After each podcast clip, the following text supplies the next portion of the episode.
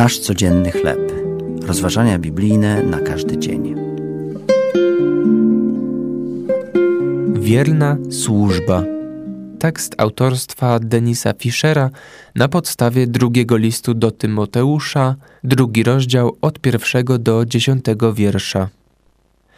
C.S. Lewis, który brał udział w I wojnie światowej, wiedział, co oznaczają stresy wojskowej służby. W swoim publicznym wystąpieniu podczas II wojny światowej w elokwentny sposób opisał żołnierskie trudy.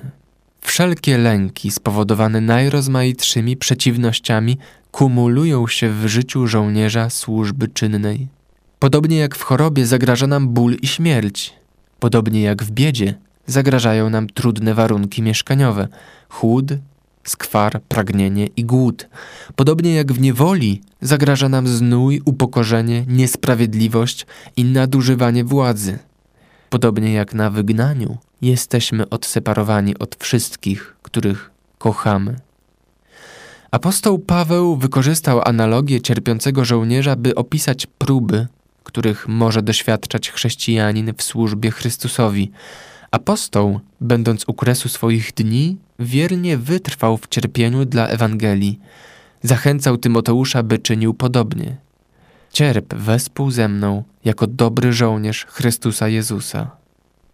Służba Chrystusowi wymaga wytrwałości. Możemy natrafić na przeszkody w postaci dobrego zdrowia, kłopotliwych relacji lub trudnych okoliczności.